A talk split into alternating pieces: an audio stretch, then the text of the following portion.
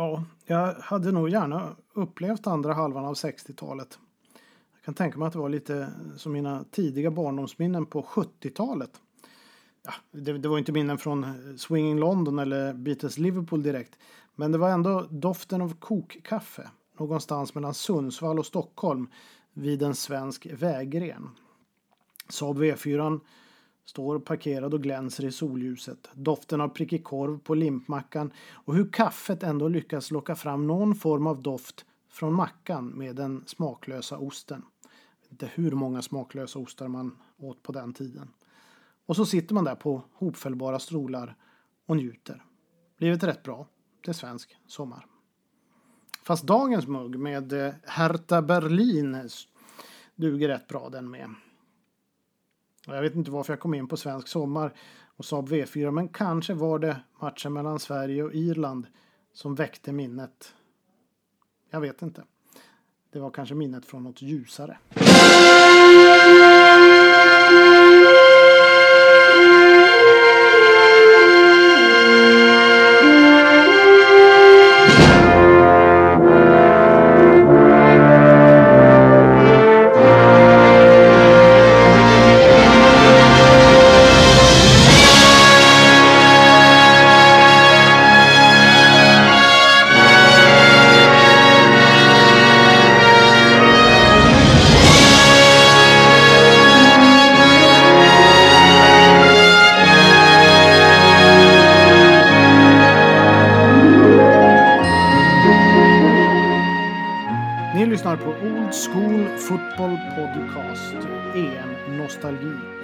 Så här i efterdyningarna av ilandsmatchen och den skräckinjagande Italien-fighten som närmar sig.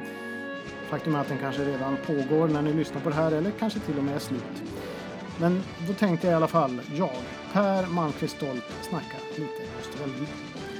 Irland från 1988, Sovjetunionen och järnridån som utmanar den svenska folkhemsmodellen samt ett dystert 60-tal för svensk fotboll och sen så försöker jag ändå, trots dessa dystra 60-tal, plocka ut den bästa elvan under decenniet. Den bästa svenska elvan.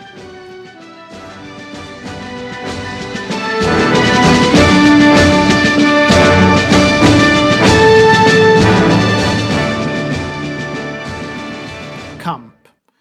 Långa bollar, kamp igen, högt tempo och inget direkt ordnat spel. Så kände Sverige-Irland.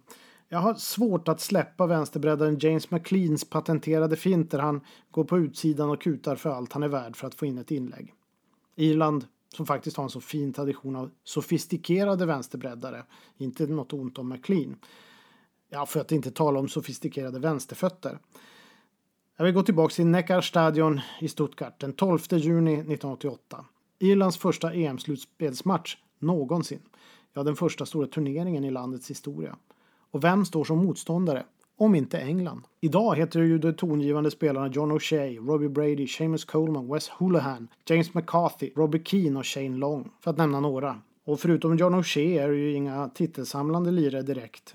Än mindre några riktigt stora profiler. Robbie Keane kanske var det under sin bästa tid så att säga. Men då, 1988, var det namn som Paul McGrath, Manchester United, Aston Villa, Ronnie Whelan, Liverpool, Kevin Sheedy, Everton, Ray Houghton, Liverpool, John Aldridge, Liverpool och Frank Stapleton, Arsenal och eh, Manchester United. Här har vi gubbar som samlat titlar på hög och var också stora profiler i sina klubblag som befann sig i topp i den engelska ligan. Chidi fick exempelvis inte alltid starta då Tottenhams Tony Galvin med sin löpstyrka var en tuff konkurrent.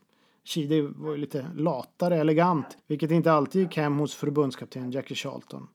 Och killar som Niall Quinn, Arsenal, och Tony Cascarino i Millwall, de var faktiskt inhoppare. David O'Leary, Arsenal, fick inte ens komma med i truppen. Och den största av dem alla, den vänsterfotade eleganten Liam Brady, Arsenal, Juventus och sedermera West Ham, fick stanna hemma på grund av skada. Där har vi en härlig vänsterfot som kunde lira boll. Onekligen fanns där talang i Jackie Charltons lag från 80-talet och det gick rätt bra. 1-0 mot England och 1-1 mot Sovjet och så 0-1 mot ett magiskt Holland som senare också skulle ta hem mästerskapet. Holland alltså. En hedrande tredjeplats i gruppen strax efter Sovjet och Holland var nästan lite oflyt får man väl säga. Och egentligen så var man nog lite besviken att man inte gick vidare. England kom för övrigt sist i gruppen. Så inte något ont om McLeans ytterspel, men någon Shiri eller Galvin är han inte. Sen sitter man ju och tappar andan när man efter att ha upplevt Sverige Irland eh, tittar på Belgien och Italien och ser på det höga tempot och det fantastiska försvarsspelet och inser att alla utsikter att avancera för Sverige känns så långt, långt borta. Du vet ju att det där kan förändras. Det kanske till och med har förändrats när ni lyssnar på det här. Men just nu känns det som om, ja, ja det känns som på 60-talet faktiskt. Några andra lirare och lilla jag har satt upp en skiffelgrupp i våra dag Det har blivit populärt bland vår publik. Så nu skyfflar vi i målen till musik. Vi hänger med, vi hänger med. Av någon anledning så gör vi faktiskt det. 60-tal. Sverige stod på den absoluta toppen. Faktum är att 1967 sägs vara det år som den svenska välfärdsstaten pikade. Tage Erlander var statsminister och Lennart Hyland vår egen tv-ikon. Och den ekonomiska utvecklingen decennierna efter andra världskriget hade varit remarkabel. Den svenska välfärdsmodellen surfade på en framgångsvåg, utom på en punkt. Fotbollen. 40 och 50-talet var ju en guldålder för fotbollen i Sverige. OS-guld 1948 eh, i London, VM-brons 1950 i Brasilien och så det där VM-silvret hemma i Sverige 1958. Vi hade levererat storstjärnor utomlands av yppersta världsklass. Idag känns det nästan overkligt när man tänker tillbaka på hur stora spelare som eh, Gunnar Nordahl, Gunnar Gren, Nils Lidholm, Lennart Nacka Skoglund, Kurre Hamrin med flera, hur, hur stora de egentligen var. Om vi antar att de var strax under en viss Ibrahimovic nivå så är det sen ett hopp till mer nutida killar som Henrik Larsson, Fredrik Ljungberg och sådana som eh, Eh, 80-talets Torbjörn Nilsson och 70-talets Bosse Larsson. Inte ett jättehopp, men ett hopp. Därefter ytterligare ett litet glapp till killar i nivå med Jonas Tern, Patrik Andersson med flera. Och sen ett än större glapp, till och med betydligt större glapp ner till dagens landslagsspelare förutom Ibrahimovic. Alltså känns det i alla fall. Men å andra sidan är det alltid svårt att bedöma samtidigt förhållande till historiska bedrifter. Men det är lite grann av det vi leker med i den här podden. På 60-talet fanns det en, en annan modell som väckte viss beundran. Om man fråntar den italienska catenaccion med eh, Elenio Herreras Inter som firade stora triumfer. Men det fanns en till modell och den väckte inte bara beundran, den väckte också fruktan från sporthåll. Den på andra sidan järnridån. Det inledande Europamästerskapet för landslag dominerades av öst, vilken delvis fick ha sin förklaring att eh, en del stora nationer inte var med under de första turneringarna. Men faktum var att öststatslagen ändå höll sig kvar när de alla stora kom med från 1968 och framåt. Redan 1947 var Dynamo Moskva på besök i Sverige och gjorde rent hus bland annat med vårt egna storlag IFK Norrköping. Disciplin, fokus, exemplariskt uppförande under träning, uppvärmning och det nästan maskinmässigt konditionsstarka imponerade stort på svenskarna. Rationaliteten var på en nivå som både skrämde och beundrades. I halvtid noterades att det ryska laget åt någon sorts eh, vitt piller, vilket det spekuleras rätt mycket om. Det visade sig vara druvsocker. Många menar att det svenska halvtama folkhemsidealet inte höll längre. Amatörismen var på väg ut och en mer professionell hållning till sporten efterfrågades och framförallt idrottsmännens alltför slappa tillvaro ifrågasattes. Druvsockret gjorde för övrigt stor succé på den svenska marknaden och vi som har växt upp på 70 80-talet har ju tagit vår beskärda del av de där rektangulära druvsockertabletterna och så minns jag att man fick dricka någon form av pulver som blandades ut med vatten och fick en smak av eh, citron. Sovjetunionen var inte bara en stormakt i bandy och ishockey utan även i fotboll och i mycket annat eh, egentligen. Särskilt under 60-talet då målvakten Lev Yashin dominerade i målburen och skulle lägga grunden för fina målvaktstraditioner som bland annat resulterade i Rinat Dasajev på 80-talet. Under min uppväxt var Sovjet med det skräckinjagande, nästan maskinmässiga bokstäverna CCCP, den stora röda fienden. Vilken i hockey och bandy var nästan omöjlig att övervinna. Något som under stundom även gällt i fotbollens värld. Det fanns något omänskligt med dessa idrottsmän från öst, särskilt från Sovjet, något man inte kunde hantera. Jag inte förstod då, på 70 och 80-talet, och att det brann samma kärlek till sporten hos dem som hos oss. På samma sätt som hela Sverige satt tysta och lyssnade på radion när Ingmar Johansson tog hem tungviktstiteln långt borta i USA 1959 satt varenda ryss och lyssnade lika uppmärksamt på sina radioapparater när Sovjet vann Europacupen för landslag 1960. Och spelarna var många gånger mer mänskliga än de stjärnor som fanns i väst. Den främste målvakten genom alla tider, Lev Yashin då, var exempelvis en av de mest ödmjuka och enkla spelare som synts på den finaste av fotbollsscener. Under 60-talet lyckades inte Sverige ta sig till ett enda stort mästerskap tyvärr. Hemma-VM 1958 var det sista. Också sista natten med framgångsgenerationerna från 40 och 50-talet. Men därefter tog vi oss till VM 1970 under eh, en av de gamla hjältarnas ledning, nämligen Orvar Bergmark. Men Sverige var inte redo och det hela slutade med uttåg redan i gruppspelet. Det sades att eh, Bergmark var för snäll och så var den där berömda målvaktstavlan av unge lovande Ronnie Hellström när eh, Italiens segermål i öppningsmatchen slank in på ett nesligt sätt under den svenska målvakten som sedan fick vila de resterande två gruppspelsmatcherna. Men oavsett hur bra eller dåligt det gick för Sverige så ska vi plocka ut en decennielva från detta för svensk fotboll så olyckliga årtionde. Och kriterierna är desamma. Först och främst prestationer för landslaget under decenniet. Här kan vi då inte ta med EM-slutspel eftersom de inte var i något. Därefter hur bra det var i övrigt, följt av hur bra jag gillar dem och avslutningsvis tar jag bara ut sådana som jag känner till hyfsat. Med andra ord så objektivt så det förslår. Men eh, jag lyssnar gärna på andra idéer. Eh, det är alltid en rolig diskussion. Dessa gubbar förväntas heller inte utmana någon i All Time Euro 11 som har tagits ut av Uefa.com. Men jag tänkte avsluta med eh, EM-nostalgi-poddandet med att rangordna varje svensk decennieelva. Vilket i sig kan bli rätt intressant. Men låt oss starta upp med den allra första och kanske minst namnkunniga, 60-talet.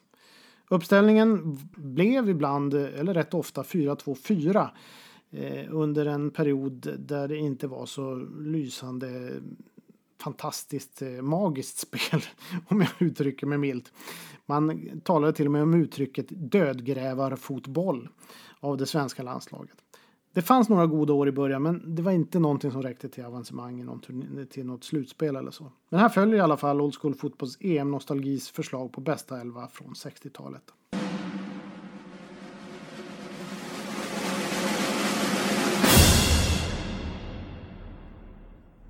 I mål, Bengt-Olof Samora Nyholm från IFK Norrköping. Och jag kommer ihåg att de klubbar jag nämner, det är de de spelade i på 60-talet. Bördig från Ångermanland och anrika IF Älgarna. Han blev en lysande målvakt för IFK Norrköping och svenska landslaget.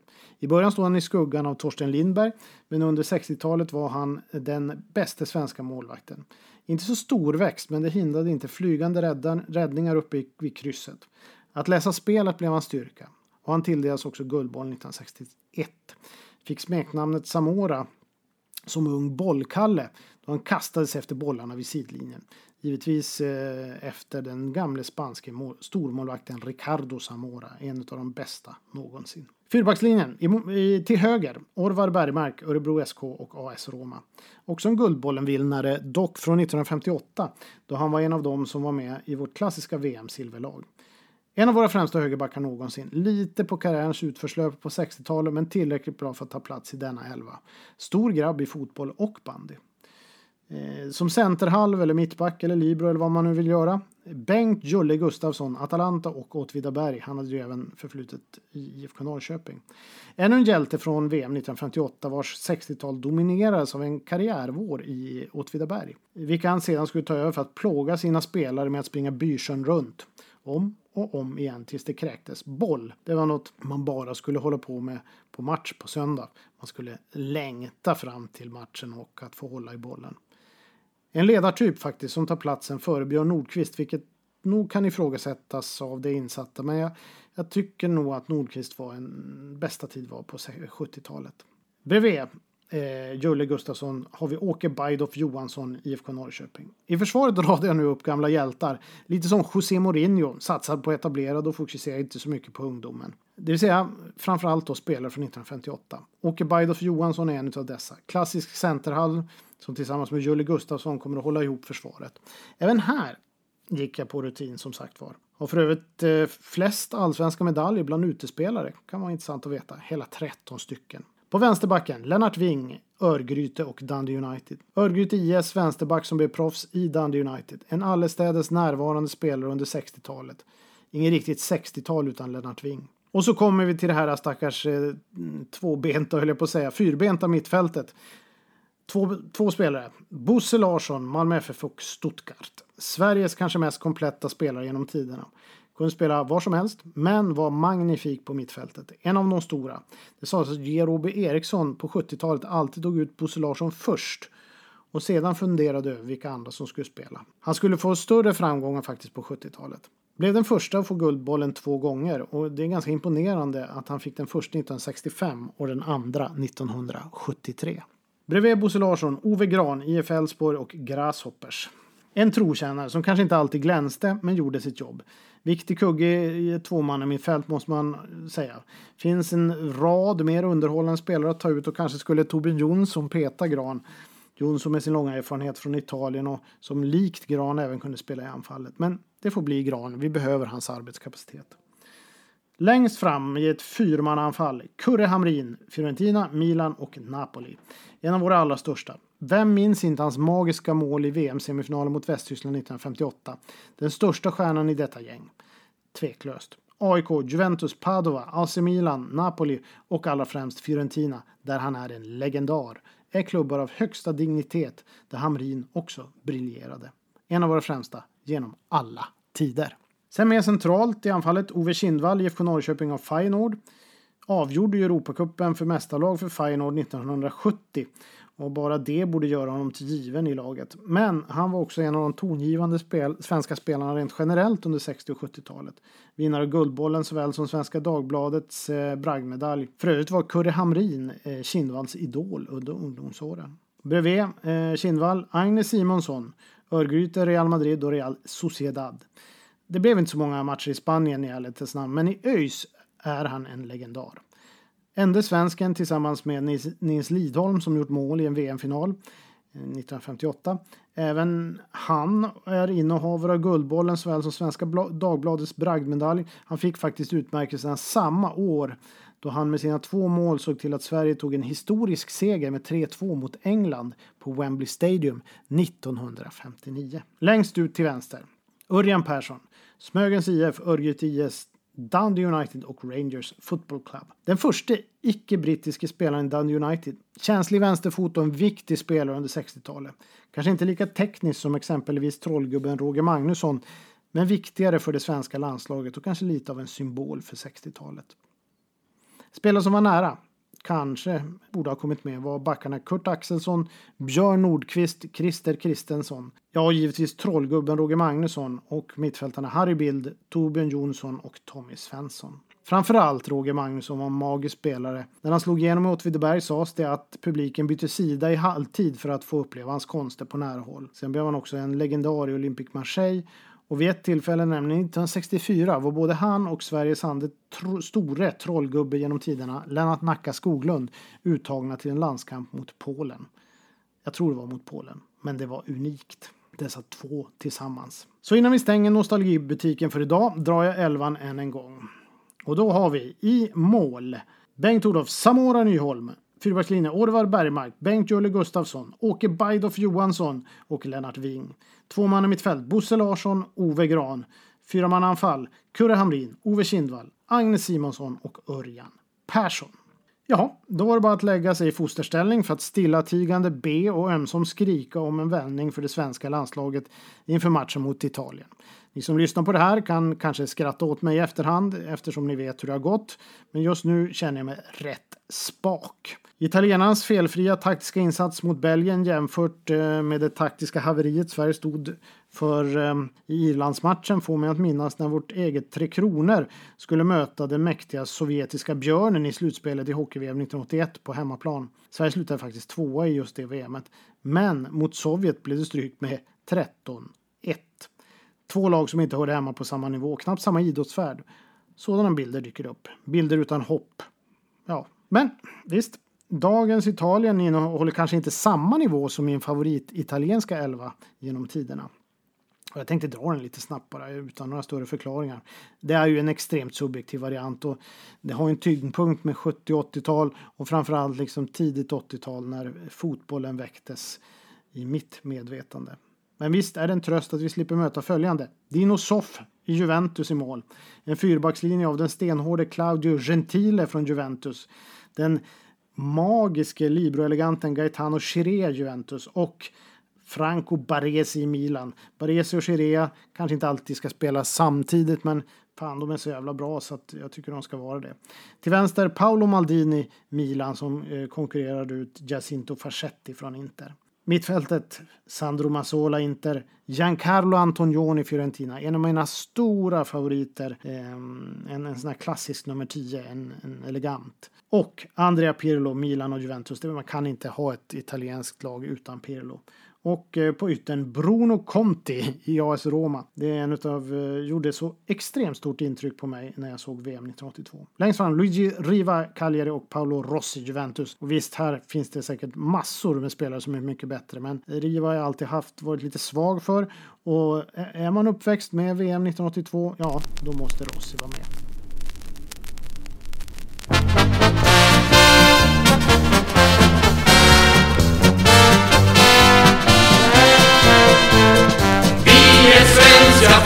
Yeah.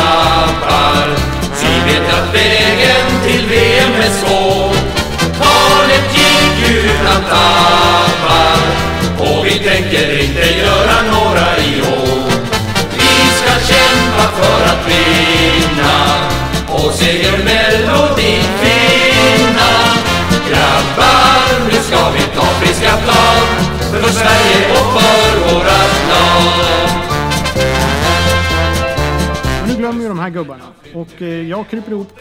För det är snart avspark. Och låter sedan all ångest inkapslas till hämmad kontroll åtminstone hoppas jag. Inför Sverige-Italien. Och ni som lyssnar på det här ni vet säkert redan hur det gått. Så att, eh, ni kanske har vecklat ut er och står nu nästan vid fontänen på Sergels torg med champagnen i hand. Eller så har ni krypit in i en garderob och släppt lyset. Man vet inte. Men vi hörs snart igen. Då med 70-talets bästa EM11 Kämpa för att vinna och segermelodin finna. Grabbar, nu ska vi ta friska tag för Sverige och för våra lag. Ja, grabbar, nu ska vi ta friska tag